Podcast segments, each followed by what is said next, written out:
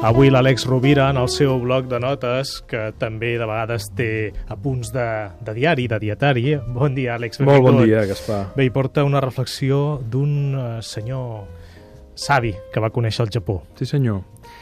Aquesta, la reflexió d'avui és molt breu. Um, ara fa 10 anys que se celebra a, a Japó el llançament del llibre de la bona sort i arrel d'això he recontactat amb el meu, el meu editor d'aquell país nipó. Fa 10 anys el president de la companyia que va muntar l'editorial eh, vivia, ara ja no viu, que fa 10 anys tenia gairebé 90 anys. I me'n recordo, fent memòria aquests dies d'aquella aquell, època tan, tan especial, que les converses que teníem amb aquest home, que era un home savi, senzill, només perquè visualitzeu com era, tot i ser el president d'una companyia, tenia un despatx ben senzill amb mobles ben antics, jo diria que gairebé de l'època dels anys 50 o 60, post-segona guerra, però sobretot cridava l'atenció que tenia una, una gran terrassa amb un jardí meravellós que ell mateix conreava. I em deia que si ell no hagués estat editor de llibres infantils, hagués estat jardiner. Um, entre els apunts que preníem de les coses que, que amb ell vaig conversar, m'agradaria compartir avui una, una reflexió brevíssima però molt bonica.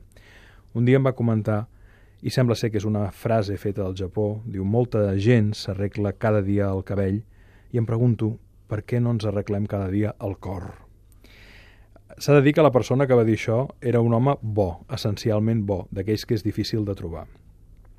I aquesta conversa, eh, aquesta frase, per què no ens arreglem cada dia el cor si, si ens arreglem cada dia el cabell, eh, va derivar cap a dos valors fonamentals, que serien la gratitud i el perdó.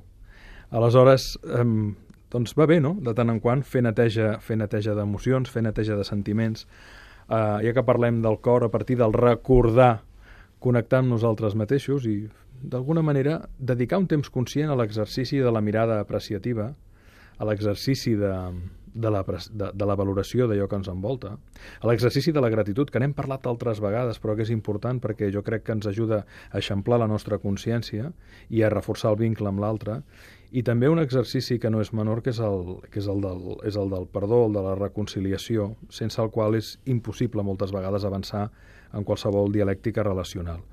Bàsicament, la idea d'avui era molt senzilla, um, convidar-nos, de tant en quant, fer una regla, un, arreglar-nos el cor sense tenir que passar pel quiròfan.